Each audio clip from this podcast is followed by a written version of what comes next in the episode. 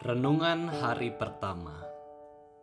Apakah satu-satunya penghiburanmu di dalam kehidupan maupun kematian?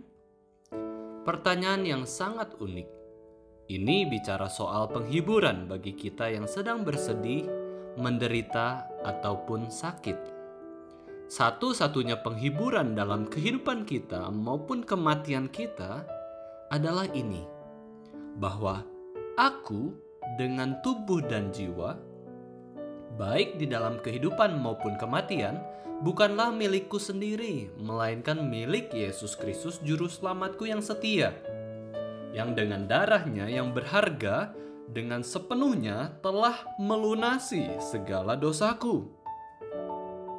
Dan juga Tuhan Yesus sudah melepaskan aku dari segala kuasa iblis dan dengan cara sedemikian rupa memeliharaku sehingga tanpa kehendak Bapa surgawiku tidak sehelai rambut pun yang bisa gugur dari kepalaku.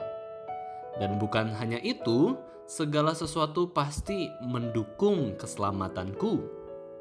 Itu sebabnya dengan Roh Kudus ia juga memberi kepastian bagiku akan kehidupan yang kekal dan membuatku dengan sepenuh hati bersedia dan siap sejak saat ini untuk hidup bagi Allah.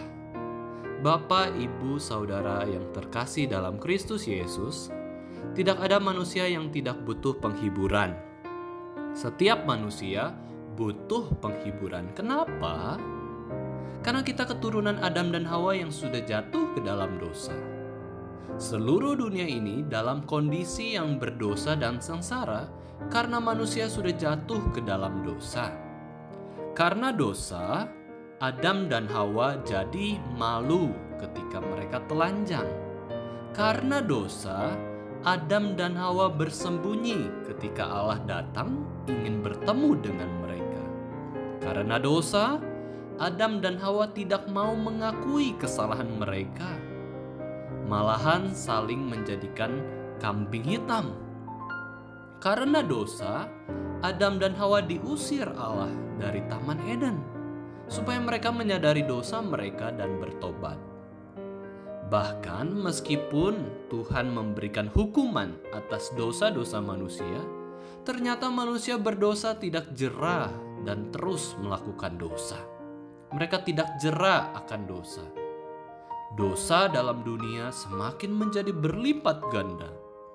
Akibat dosa, dunia menjadi tempat yang berbahaya ada kejahatan, ada kedurhakaan, ada kekerasan, ada penyakit, ada usia tua, ada pembunuhan, ada kematian. Dunia bukan lagi seperti surga yang tanpa dosa, tetapi dunia lebih mirip dengan neraka yang penuh dengan hukuman. Ini adalah realitas-realitas yang begitu menyedihkan dalam dunia berdosa ini. Ada orang yang depresi sampai bunuh diri, suami istri bercerai, orang tua menelantarkan anak mereka, saudara saling membunuh karena masalah harta warisan, pemuda dan remaja kecanduan narkoba, pornografi, dan seks bebas, dan masih banyak yang lainnya. Namun, apakah Tuhan berdiam diri? Melihat dunia penuh dosa ini? Tidak, Allah tetap bekerja. Dia menunjukkan kasih dan pemeliharaannya dengan mengekang kejahatan dan dosa. Allah pernah hukum dunia dengan air bah di zaman Nuh.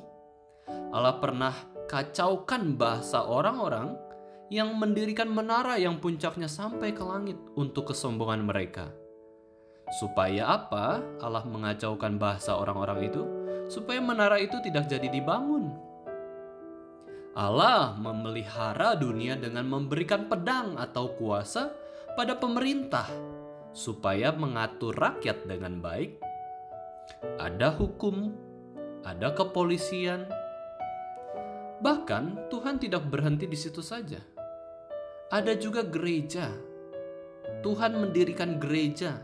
Tuhan Yesus mendirikan gereja supaya orang-orang tidak semakin jauh dari Tuhan, ataupun tidak semakin berdosa, Tuhan tidak pernah berhenti bekerja untuk mengekang dosa di dunia ini dan menunjukkan kasih dan pemeliharaannya atas hidup kita.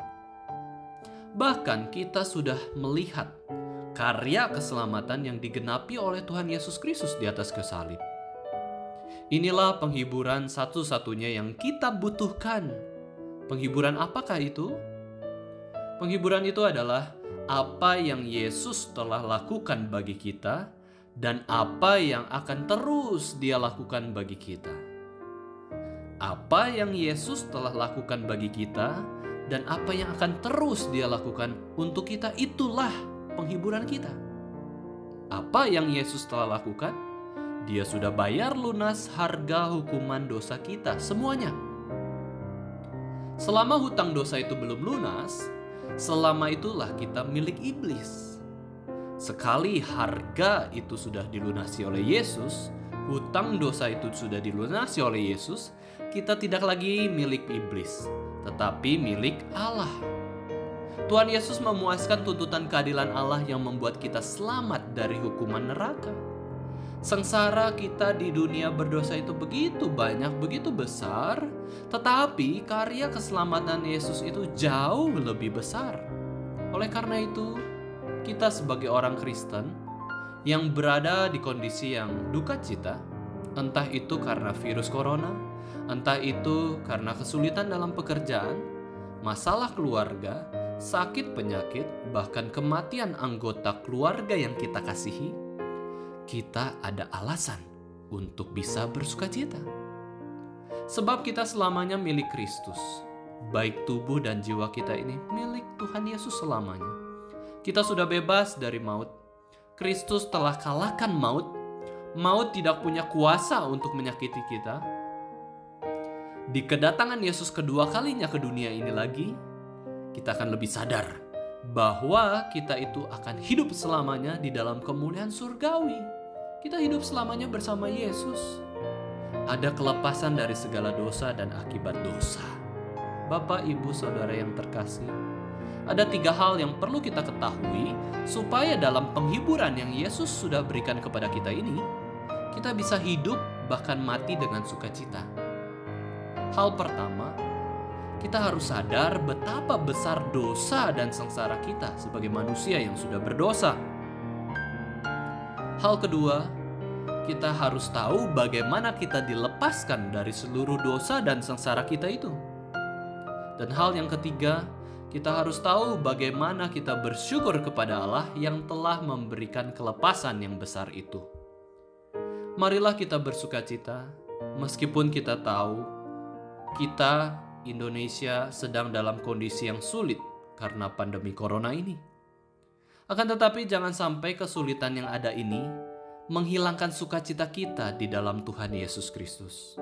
Marilah kita memandang kepada Yesus Kristus sebagai Allah yang memberikan penghiburan bagi kita, dan di dalam Yesus ada penghiburan bagi kita semua. Amin.